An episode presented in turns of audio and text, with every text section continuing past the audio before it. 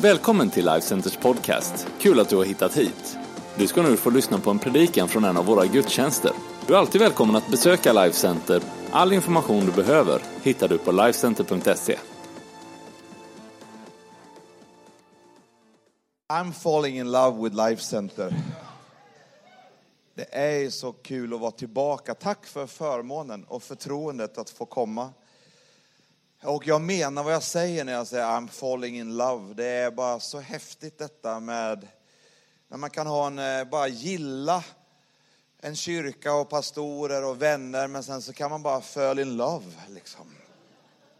Så jag var, de här dagarna här, fredag, lördag och idag så kommer man och så åker man mot kyrkan och så ser man bara welcome home. Och man kan ju ha home på flera platser eh, i jorden och, och, och home is where your heart is. Och eh, vi är hemma i Sankt Petersburg i Ryssland, men i Västerås så är Life Center hemma. Och det är så häftigt att få se den här skylten som är en proklamation av en inbjudan. Och eh, jag har bara liksom, åh, det är ju hemma här. Och få se er vackra byggnad, Life Center Conference Church, det är bara eh, så fantastiskt. Ni vet nog inte hur bra ni har det, för att där vi är i Ryssland, där får vi liksom packa upp och packa ner varenda gång vi ska ha någonting. Och ni har en egen lokal, en egen kyrka som är så fantastisk som denna. Och eh, vilken kyrka ni har. Liksom. Jag har sån respekt för det ni är och det ni står för och det som Gud har för er och det som ni har varit med om och det ni är på väg att få komma in i. Det finns så mycket bra grejer med er kyrka som jag ser när jag kommer så här lite utifrån. Så mycket sundhetstecken. Man, man liksom känner ju in, liksom, är det här lite så här, man ska ju alltid vara lite försiktig när man kommer till nya kyrkor. Det är bara ett tips för er alla när ni är ute. Liksom så här, kolla in några grejer för att stämma av lite grann hur, hur det är. Liksom. Med den här kyrkan, med de här pastorerna som har funnits med så länge, gått igenom så mycket och så fortfarande bara står och är så fräscha och fortfarande älskar Jesus och älskar varandra och älskar er och älskar staden eh, och uppdraget, det är ett sundhetstecken. Att få komma in i en kyrka där fyra generationer samtidigt finns tillsammans, det är ett sundhetstecken. Eh, och det har ni här. Ni kanske inte har tänkt på det, men det finns fyra generationer samtidigt i det här huset. Det är ju hur häftigt som helst. Igår tyckte jag trummisen var grym. Och idag tyckte jag det var ännu grymmare. Men det är ju sånt sundhetstecken att se trummisen idag sitta och spela. Liksom. Jag bara går ju, wow, fattar ni vad bra det är? Att ha en sån trummis som idag. Det är sundhetstecken. Det finns också sundhetstecken över att se liksom vilka, vilka relationer som era pastorer och er kyrka har. Det är sundhetstecken. Vilka vänner, vilka kopplingar, vilka sammanhang man har för er och vad de har, vad, hur, vilka liv de lever, vad de har för rykte, vad som händer kring dem.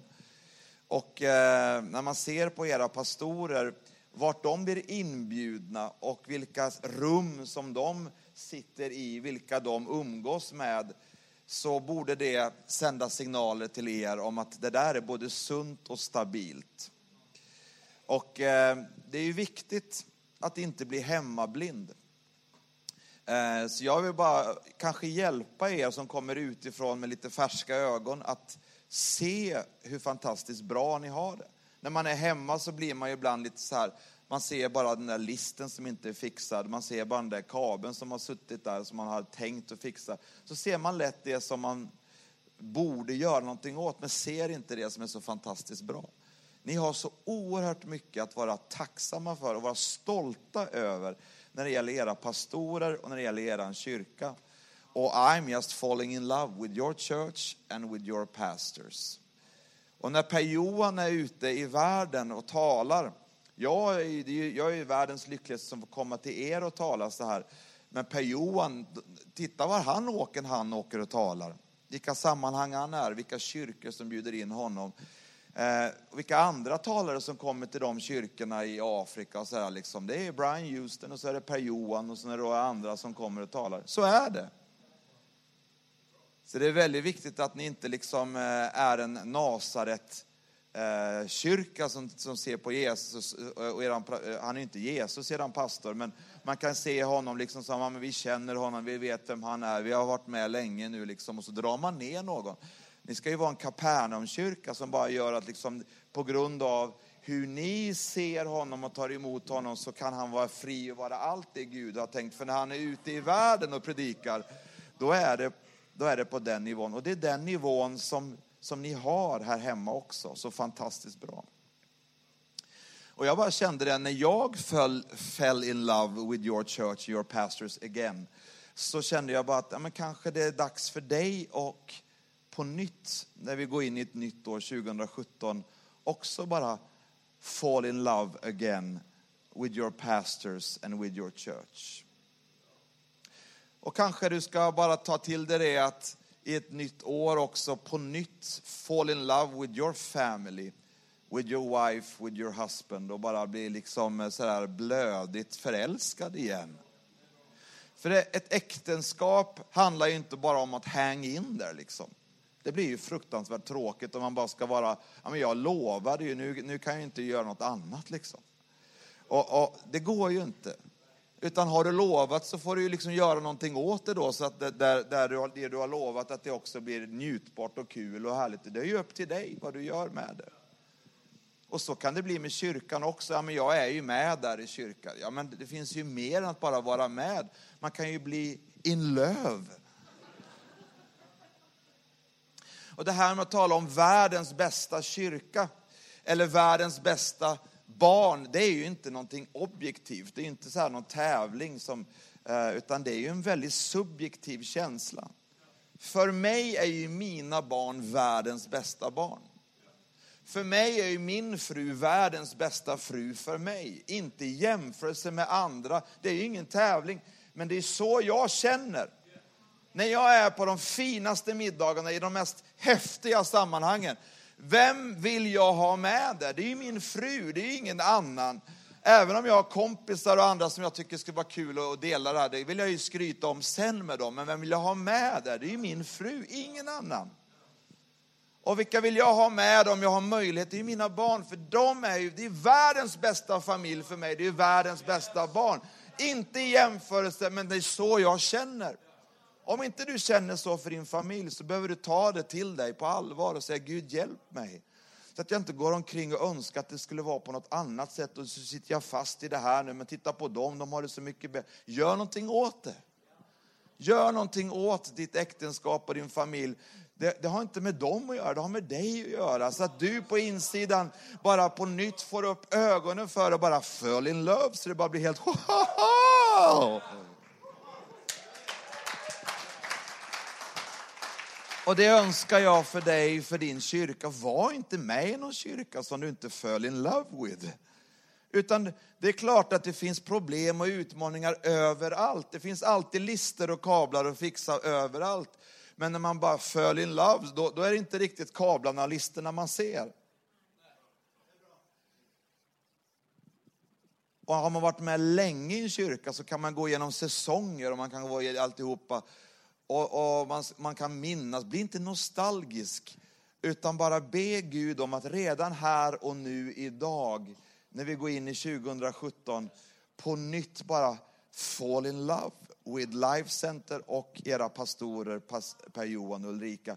För det är, är, är de värda och det är den här kyrkan värd. Och du är värd att få vara med i en sån kyrka som du bara älskar och är så stolt över. För någonting händer över att när du blir in love så blir du stolt över det. Du kan märka på dig själv hur du pratar och hur du beter dig när du är bland andra människor. När du är i andra sammanhang. Av, ja, men pratar inte du om din fru och dina barn och din familj så är det liksom ett, ett tecken på att någonting inte är riktigt rätt.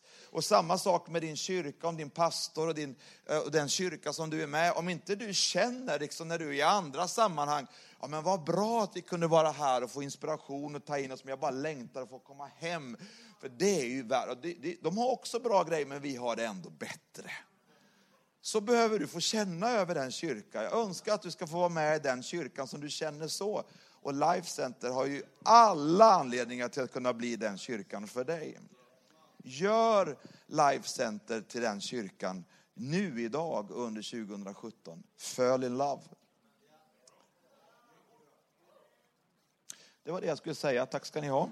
Mm.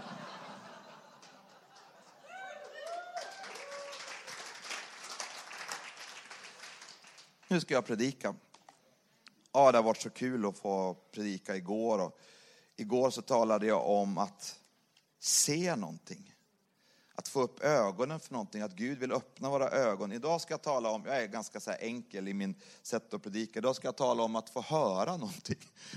Igår se och idag höra. Det finns ett övernaturligt liv i Gud som Gud vill låta få bli naturligt för dig under 2017. Det här att vi ser saker i det övernaturliga och att vi hör från Gud på ett övernaturligt sätt. Och det här gäller dig, din, din, din, din personliga relation till Gud, men också för er som kyrka. Ett ord från Gud kan förvandla allt. Och Gud, han talar hela tiden. Frågan är, finns det de som lyssnar? Finns det de som har liksom öronen öppna för att höra vad Gud säger? Och finns det de som liksom lever med en förväntan av att gå hans ärenden när han talar? I Jesaja, profeten i det gamla testamentet, så står det så här i det femtionde kapitlet och vers 4, i slutet av den versen. Han väcker var morgon mitt öra han väcker det till att höra på lärjungasätt. Varje morgon är en ny dag. Ja, det är deep. Skriv ner det. Varje morgon är en ny dag som liksom en ny chans i din relation med Gud att få börja dagen med att höra från Gud. Innan du går till Facebook och Instagram och Twitter och Aftonbladet och bara liksom ska ta in bruset av allt som, som finns att lyssna till. Så vill han väcka dig till att höra på lärjungasätt. Det är ett annat sätt att höra på än att bara höra. Man kan höra och ändå inte höra. Skriv ner det, det är också sådana djupa grejer. Som Han väcker väcker var morgon mitt öra. Han väcker det till att höra på lärjungasätt. Det som är utmaningen för oss det är att liksom tune in, att lära oss att utveckla ett lyssnande så att vi vaknar upp med en förväntan över att faktiskt så vill Gud tala. Frågan är om jag vill lyssna. Också i Gamla Testamentet, i första Samuelsboken, eh, det tredje kapitlet, så finns den här berättelsen om Hanna som eh, inte kunde få barn och sen så sa hon till Gud, om jag får barn då kommer jag överlåta honom till tjänst för Gud i templet hos profeten. Och så fick hon barn och barnet hette Samuel och hon tog med sig det här barnet Samuel för att växa upp i templet hos profeten och eh, liksom dedicated her child för att tjäna Gud. Och så växer han upp där och så är han i, i templet och sen så hör han Gud tala. Och Gud säger till honom Samuel, Samuel, Samuel. Han tror ju att det är liksom han den här profeten som är där, så han springer till honom och, och säger, ropar du på mig? Nej, jag ropar inte på dig. Och så springer han tillbaka och så tänker han, kanske bara jag som inte käkar frukost än, eller så var det frukosten jag käkade. Liksom. Han tänker, liksom, vad, vad var det för någonting? Jag hör, hör jag rösten nu bara? Mamma Mia. Och så hör han igen, Samuel, Samuel springer tillbaka igen. Och då fattar ju han, den här profeten, att nu är det Gud som håller på att tala till honom. Så säger han, ja, men om du hör det där igen, då ska du säga, Herre, tala, din tjänare hör. Så då springer han tillbaka tredje gången och nu säger Gud igen, Samuel, Samuel, Samuel, Samuel. Och då var han redo. så säger han så här i vers 10. Väldigt enkelt. Tala, din tjänare hör. Och jag vill utmana dig genom det här som jag talar om nu. Om att inbjuda dig till ett övernaturligt liv i din relation till Gud. Där, yes, Gud vill tala först och främst genom sitt ord. Men han vill också tala genom den heliga ande på ett väldigt personligt sätt. Så att han kan, du kan få uppleva hur han bara säger Andreas, Andreas, Andreas.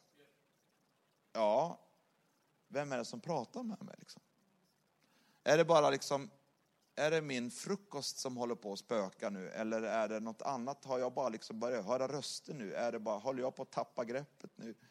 Eller är det Gud som talar till mig? Och då när man börjar fatta, men det här är nog Gud ändå som försöker få kontakt med mig. Och få komma dit och säga, Herre, tala. Din tjänare hör. Det är inte så att han sa, tjänare Herre, din talare hör. Den är ju gammal den, men den, den kan ju funka. När man läser evangelierna sen i Nya Testamentet, i Matteus, Markus, Lukas, så kommer det gång på gång på gång, det är hur många ställen som helst, som Jesus säger när han har sagt någonting, som det står i Matteus 13 och 9. Hör du som har öron. Det är ju väldigt så här insulting liksom. Hur många har öron här? Hör ni som har öron. Men det finns en poäng i det där att man kan ju faktiskt vara med i ett samtal och höra vad som sägs och ändå inte höra. Du kan vara liksom kristen och gå omkring och läsa Bibeln och göra allting rätt, vara i kyrkan och vara med. Men du hör ju vad som sägs, men du hör ändå inte riktigt att Gud faktiskt har ett ärende och han håller på att tala till dig. Så det finns någonting av att lyssna på ett annat sätt. Lyssna på ett lärjungasätt, lyssna på ett nytt sätt att vara lyhörd för att han vill tala. I Matteus evangeliet i det sjunde kapitlet, i det som är bergspredikan, så finns det så mycket gold nuggets, så mycket guld som Gud delar genom Jesus där. Och en av de sakerna som han talar om det är ju att bli inte en som bygger sitt liv på sanden, utan bygger sitt liv på klippan. Det där har vi ju hört, vi kan ju den liknelsen. Och ingen vill ju vara en sån som bygger på sanden så att när stormen kommer så bara försvinner. Alla vill ju vara de som bygger på klippan. Så att när prövningar kommer, när omständigheterna kommer, så står huset ändå kvar. Hur mycket det än bara kommer stormar i vårt liv. Men frågan är, vem är då den som bygger sitt liv på klippan? Matteus 7 och 24. Den som därför hör dessa mina ord och handlar efter dem, han liknar en förståndig man som byggde sitt hus på klippan. Så om du vill få ett liv som är stabilt och som står fast på klippan i stormarna, så behöver vi bli noggranna med att höra från Gud. Men också sen noggranna med att också göra det Gud säger till oss. Så att vi blir ordets hörare och dess görare, att vi lyssnar och lyder. Att lyda är ju inget populärt ord bland unga människor i Sverige idag. Liksom. Eller över världen. Men i relationen till Gud så är det inte bara liksom, åh Gud bara älskar dig. Åh, han bara älskar dig. Klart han älskar dig, men han är också din far. Och han vill att du ska lyda honom. Inte bara för att han är så sträng och liksom att det är så fel på dig, utan det är för att han vet vad som är bäst för dig. Så att om du lyder honom, Bibeln säger det, att den som är villig och lydig kommer få äta det goda av landet. Det finns massvis av godsaker som Gud har förberett för oss om vi är villiga och lydiga.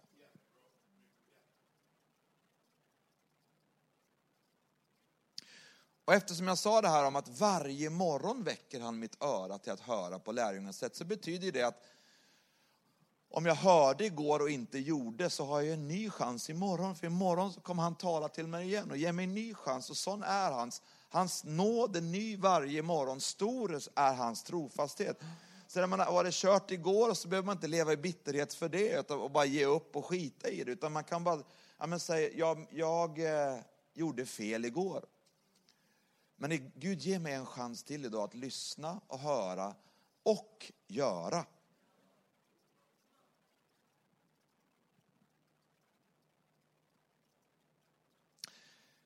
När vidare i Matteus evangeliet i det åttonde kapitlet, när vi sedan läser om när Jesus mötte människor, så står det om att när han mötte en officer, som var en, en hedning, som inte var en jude, som, eh, så sa han om honom sen att jag aldrig mött någon med en sån tro.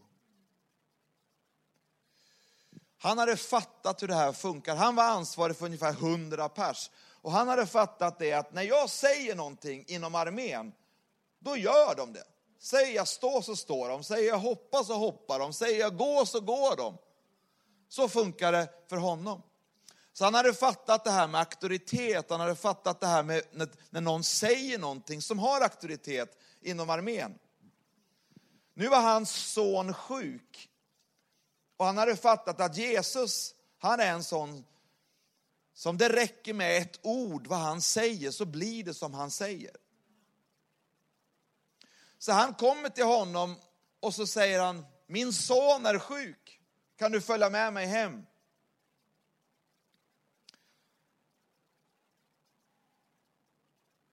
Då säger man, eh, det står i vers 8 så här, i kapitel 8, officeren svarade, Herre, jag är inte värd att du går in under mitt tak, men säg bara ett ord så blir min tjänare frisk. Det var en tjänare, inte sonen, jag hade fel.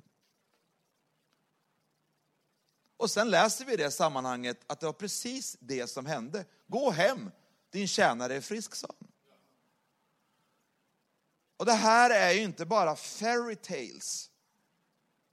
Utan det är ju historiska beskrivningar om verkliga händelser som hände när Jesus gick på jorden. Och det funkar fortfarande på samma sätt. Att när vi möter sådana där svåra saker så att någon blir sjuk, så att vi inte har någon annan utgång, så kan vi få vända oss till Gud och säga att ett ord ifrån dig räcker. Ett enda ord kan bara förändra hela situationen. Gud har någonting att säga till dig, till din situation. Gud har någonting att säga till Life Center. Gud har någonting som han vill säga till andra genom dig. Så utmaningen är att under 2017 bli mera tillgängliga och lyhörda för att Gud vill tala så att vi hör honom och att vi är villiga att lyda honom när han talar. Om det gäller oss eller att det gäller ärenden han vill att vi ska gå. I Efesierbrevet, andra kapitlet, vers 10, så säger Paulus så här. Ty hans verk är vi, skapade i Kristus Jesus till goda gärningar som Gud har förberett så att vi skall vandra i dem. När det är mycket snö så här, så är det naturligt att man går där någon annan har liksom förberett. Plogat eller skottat eller kanske till och med bara gått. Det, det är, vi är ju bara funtade så att om man, det är ingen som har plogat, ingen som har skottat, men man ser bara att det är liksom upp djup snö, men någon har gått före. Jag går där någon har förberett för mig.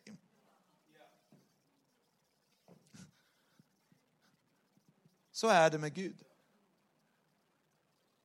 Imorgon när du möter din måndag så kan du få gå i de spåren som Gud har förberett för dig. Du behöver inte plumsa i snön upp till midjan och bara själv, utan du kan få gå in i det som han har förberett för dig.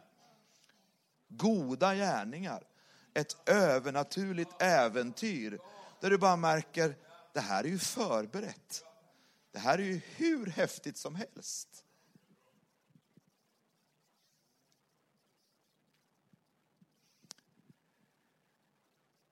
Jag är en väldigt enkel person. Och det har hjälpt mig att inte tro, liksom, sätta så mycket press på mig själv. För jag fattar att jag har inte så mycket att leverera ändå i mig själv. Utan jag får bara vara mig själv. Och bara liksom helt prestigelöst bara vara mig själv. Det har hjälpt mig så oerhört mycket. För jag hamnar i sammanhang med massa viktiga människor inom politiken och i Ryssland och inom olika världar. Och alla försöker ju vara någonting där. Och jag märker att det som jag har att ge dem, som de uppskattar och längtar efter, det är att det finns alldeles för få som bara är sig själva och är trygga i att vara sig själva. Men så har jag ju fattat att Gud kan ju använda till och med sådana som mig. Så att, och han söker ju någon som är galen nog till att bara tro att Gud kan använda sådana som mig. Som, så han, han, söker ju efter, han liksom har liksom varje morgon så söker han efter, vem är villig att bara lyssna och gå mina ärenden? Så han tar ju dem han får. Han använder ju dem som är villiga. Men fatta vilket ärende när man kommer på morgonmöte med Gud och han börjar tala om liksom vilka han vill att du ska gå ärenden till.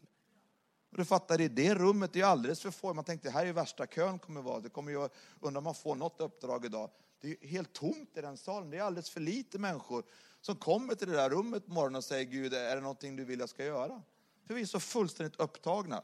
Vi är upptagna här, vi är upptagna i kalendern, vi är upptagna i hjärtat. Vi är så, bara överleva, bara fixa och få livet att funka och skjutsa barnen, dagis och fotboll och alltihop. Alltså, att Gud skulle tala, det finns ju inte på kartan. Men tänk om vi kunde skapa lite space, lite utrymme, lite tid. Så att vi har faktiskt förväntat oss att vi kommer att ta en kaffe, sätta på lite lovsång på morgonen. Ta en kvart extra innan och bara säga Gud, eh, ja du vet ju att jag har en busy dag, men ändå så sitter jag i bilen en stund. Är det någon du vill jag ska ringa? Är det någon jag ska skicka ett sms till? Eller är det något ärende du vill jag ska gå? Jag är inte den världens bästa på liksom att höra från det, men även en blind höna kan ju lyckas ibland få tag på någonting. Så, nu använder ju åsnor i Bibeln, du kan ju använda mig också. Liksom.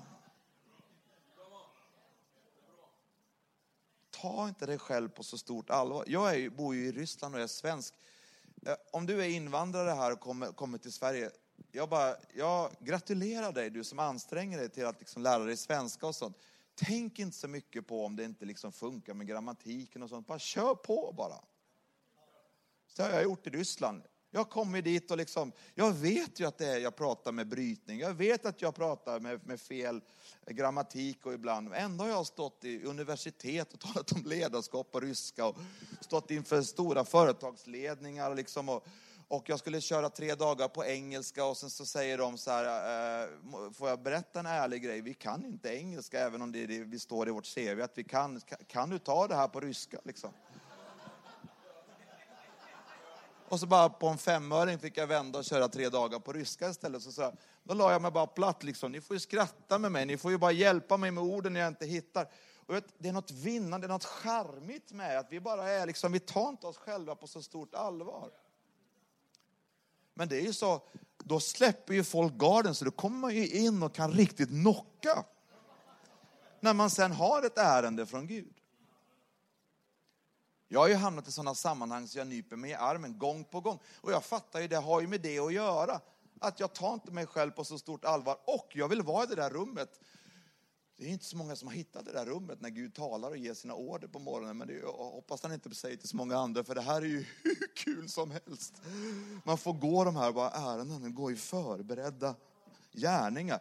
Fatta, jag bor i en stad med åtta miljoner. Hur få finns det som har upptäckt det här rummet när Gud talar? För det, det är ju, vilket äventyr.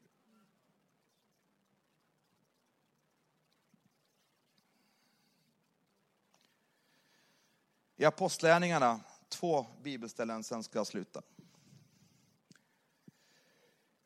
Det står om Filippus. Filippus, han var en som stod i köket eller en som hjälpte till med praktiska administrativa grejer. Och de ville avskilja honom för att, för att pastorerna skulle få frigöra sig mer till bön och till ordet och få liksom ägna sig åt det här liksom, det andliga. Så skulle de hjälpa till. Han var en av dem som bara hjälpte till. Sen blev det förföljelse i Jerusalem Och då spreds de ut. Och han tog bara med sig det som var DNA i den kyrkan och han bara gick ut och berättade om Jesus, som man gör. Och det var ganska powerful. Så en hel stad bara rör sig om av, av, av honom. Det är häftigt. Då står det så här i kapitel 8 och vers 26. En Herrens ängel talade till Filippus. Gå vid middagstiden ut på vägen som leder från Jerusalem ner till Gaza. Den ligger öde. Man måste vara lite så här galen för att gå på sådana tilltal. För det första, en ängel. Tjena, tjena. Eh, eh, eh. För det andra, nu ska du få höra, du ska få gå ut vid middagstiden, ut på en väg som leder från Jerusalem ner till Gaza. Den ligger öde. Ingenting mer fick han. Men om du vill vara med om ett äventyr med den helige Ande, om du vill steppa ut ifrån det som bara är så naturligt och så kontrollerat, så tryggt, så svenskt, så säkert, så säkerhetsbälte och hängsle och livrem och allt, cykelhjälm och airbag och allt bara så att ingenting kan hända. Utan om du vill steppa ut lite utanför det som är, så finns det de här att Gud vill tala och han söker efter vem vill gå mina ärenden. Så han kan säga vid middagstid, gå ut till den här vägen. Och när du kommer dit, bara för att du ska veta att du är på rätt plats och att det liksom stämmer, det är helt öde. Och det gör han. Och när han går dit och står där, så bara... Yes Lord. Eh, det kanske var fel, det kanske bara var jag som fick den här tanken. Eh, det kanske inte var en ängel, det kanske var något annat. Eller så kanske det var Gud. Och så kommer det någon åkande så här, en etiopisk hovman. Och då säger han nästa instruktion. Gå fram till honom. Ibland så får man inte hela grejen på en gång, utan man måste våga ta första steget ut. Och när du står där så känns det många gånger rätt pinsamt. Liksom. Det här är ju antingen helt galet, eller så kanske det här blir spännande. Men än så länge är det absolut inte spännande här. Det är ju pinsamt och öde. Man får ju aldrig veta om man inte prövar. Sitter du kvar i soffan hemma och tänker, ja men man vet ju aldrig, det kunde ju varit Gud. Ja men om du prövar och går ut mitt på dagen på gatan där det är öde, det är ju först då du får veta om det var Gud. Och det är först då du får veta om du får fler instruktioner.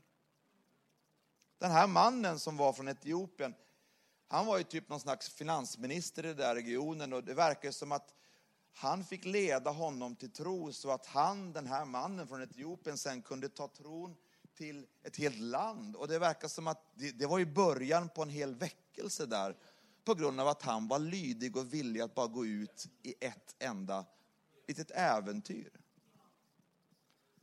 Vi vet aldrig vad det får för konsekvenser.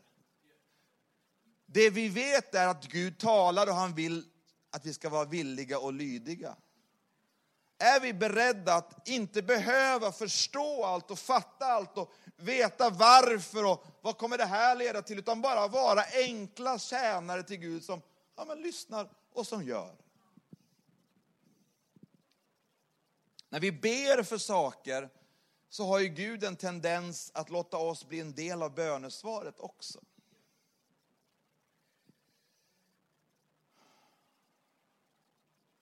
Jag tror kanske har berättat om det här förut. Jag har inte så många berättelser att berätta.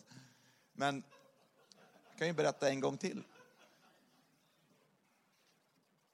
Jag bad för några liksom inom musikindustrin. För vi tänkte, Gud, det behövs på alla plattformar vittnesbörd om människor, sådana som Carola liksom, som bara, ah, jag bara älskar Jesus. Liksom. Det, är bara, det är jättejobbigt och jättehärligt och jättefantastiskt samtidigt. Svensken behöver ju det, överallt. När Göran Skytte sitter och talar om Jesus så blir det ju, det blir påtagligt på riktigt. Liksom. Så vi börjar be för det där. Och sen så var det födelsedagen för killen i det här bandet. Och så spelade de i våran stad. och tänkte att men jag ska gå och bara gratulera honom. Så att jag köpte en stor korg med frukt och champagne och choklad och grejer liksom och slog in det där i cellofan som man gör i Ryssland liksom och, och gick dit och jag hade fått adressen till vart det skulle vara. De skulle repa då klockan 12 på natten och de skulle spela tre på natten. Och jag hade inte fattat att den nattklubben var ju liksom, det kostade ju typ 10 000 kronor bara att få sitta på stolen där inne liksom i det här stället. Man gick igenom tre, fyra securities med sådana här gorillor så man blev bara liksom, är jag på rätt ställe liksom? Men det var ju inget folk där då för de var ju bara repa klockan 12 och jag kommer in där och bara kommer med den här födelsedagspresenten till honom. Det var ju ingenting mer. Men när jag kommer in där då säger han så här, han bara blåser av hela repet och samlar hela gänget och så säger han så här, jag måste bara få berätta, det är ingen annan som har uppmärksammat min födelsedag, jag fyller år idag. Och det här är en pastor som har kommit hela vägen in i det här liksom mörka stället. Och det blev början på en relation. Så jag hade inte så här strategiskt tänkt, om jag nu köper den här liksom fruktkorgen med cellofan så kan det bli en strategisk ingång till en relation med dem som sen kan leda till det där. Utan jag bara fick en enkel idé. När Gud talar behöver det inte vara mer komplicerat än bara köp en fruktkorg och gå och uppmuntra honom på hans födelsedag. Nu när jag vigde dem nu i höstas här i oktober, så blev den vigseln utnämnd till årets bröllop och vigseln blev liksom, hamnade på, på första kanalen i Ryssland inför 140 miljoner och, och eh, i alla kändistidningar så står jag där liksom i präst, nu är jag värsta liksom kändispastorn liksom. Och när, men det hade inte jag i tankarna. Och när vi står klockan 12 på natten ute i Karelien. Och vi har haft vigseln och det är kändiseliten i Ryssland som är samlade där. Och nu är de trygga för det är inte massa paparazzi och grejer utan nu är det bara deras vänner. Då står de som en klunga kring oss. För att de vill bara förstå det här med nattvarden och det här med evangelium som vi talar. Vi står och talar om Jesus klockan 12 på natten. Och då så står Katja där som är mannen till eh, till han som jag grattade. Och berättar för de här, liksom, de som leder Comedy Club i Ryssland och de andra. Och så står han där och, står hon och berättar. Men låt mig förklara, för jag har fattat det här nu med Jesus evangelium, säger hon. Det är ju det här liksom att när Jesus kommer in, då förvandlar det på insidan och insidan ut. Och religion, det är det här, men nåd och Jesus och evangelium, det är annat, det är det här. Vi måste få ta... Så står jag, visst är det så, säger hon till mig. Ja, men så är det liksom. Och så känner jag bara, hur bra är inte det här? För jag menar, jag är en svensk som bryter på ryska och som är lite så här läskig för dem och främmande. Vad är det? Sekt eller vad är det för någonting konstigt? Men när hon står där och förklarar så, så betyder det bara wow. Men allt började med att Gud sa till mig, köp en fruktkorv, slå in den i cellofan och gå och gratulera honom. Vi vet aldrig vad det får för konsekvenser av att vi är beredda att bara gå ett litet ärende åt Gud. Nu är jag på övertid, nu ska jag sluta. Jag ska bara berätta sista versen här. Apostlagärningarna 9 och vers 11. Paulus, Saulus, han var ju en värstingförföljare av kyrkan. Han var ju hur farlig som helst. Han var ju den som bara släpade ut kristna. Han var ju på väg till Damaskus för att bara paja hela kyrkan och sätta dem i fängelse och döda och stenarna har ju stått på liksom bestämt när de skulle riktigt gå hårt åt kyrkan. Nu har Jesus slagit honom av hästen och nu har Jesus bestämt att han ska bli frälst. För när Jesus bestämmer någonting, då blir det så. Det spelar ingen roll hur tuff och kaxig man är. Liksom. Och då så finns det en som heter Ananias, liksom ananaskillen där i Damaskus sitter och ber och har morgonbön och så säger Herren till honom, bege dig till den gata som kallas Raka gatan. Det är enkelt liksom. Och fråga i Judas hus efter en man som heter Saulus och är från Tarsus. Du ser, han ber. Nu är det ärendedags igen liksom. Och, men men då, då börjar han argumentera med Gud när han sitter där på morgonen och säger, men du eh, Saulus, det är ju han som, det är han som, du har, har du fattat rätt? Det är han som håller på och bara pajar och dödar och, och, och, och Ja, det är precis han. Du ska gå till honom, raka gatan. Och jag önskar för dig att du också ska få vara med om de där stunderna när, när du bara fattar att det här, antingen så är det Gud eller så är det slutet. Liksom. För det här är inte, det här är inte riktigt kul. Liksom. Jag önskar för dig att du ska få vara med om sådana äventyr när Gud säger saker så att jag har varit inne i rum i Ryssland där det är så mycket skräck i rummet så att folk tittar ner i golvet. Ingen vågar titta i ögonen på den personen som är liksom huvudpersonen där, för han är så viktig. Och jag hamnar i det rummet för att umgås med honom som ingen vågar titta i ögonen på liksom. Hur ska man vara där och då? Och jag är glad att jag hade med min, min mentor, min kompis från Singapore som är helt löst ifrån allt det där. Och går in och säger liksom, ja men vi måste bara få be för dig också. Och jag bara tänkte, kul för dig, du lämnar ju imorgon och bor i Singapore helt annan Jag bor kvar i den här staden. Det är lätt för dig att vara frimodig. Han är muslim, du kanske inte behöver gå så hårt på det här med Jesus liksom. Nej, men eh, nu ska vi be för dig och välsigna dig och ditt företag och din familj. Och är det, någon, är det någonting du behöver vi ska be för, helandes, och så ber vi för det också. Så känner man, det här är bära eller brista, det här är bara, Aah! Jag önskar för dig att du ska hamna i sådana situationer. Lite mera äventyr, lite mera övernaturligt under 2017. Kyrka handlar inte om det vi gör innanför väggarna. Vi kommer hit för att samla kraft, för att tillbe Gud, för att bara få, för att sen gå ut i vår värld, i vår vardag, i våra relationer och säga, Herre, här är jag. Tala. Om du vill att jag ska gå, ge mig modet att gå. För jag vill höra och jag vill göra, jag vill lyssna och jag vill lyda. Tack ska ni ha.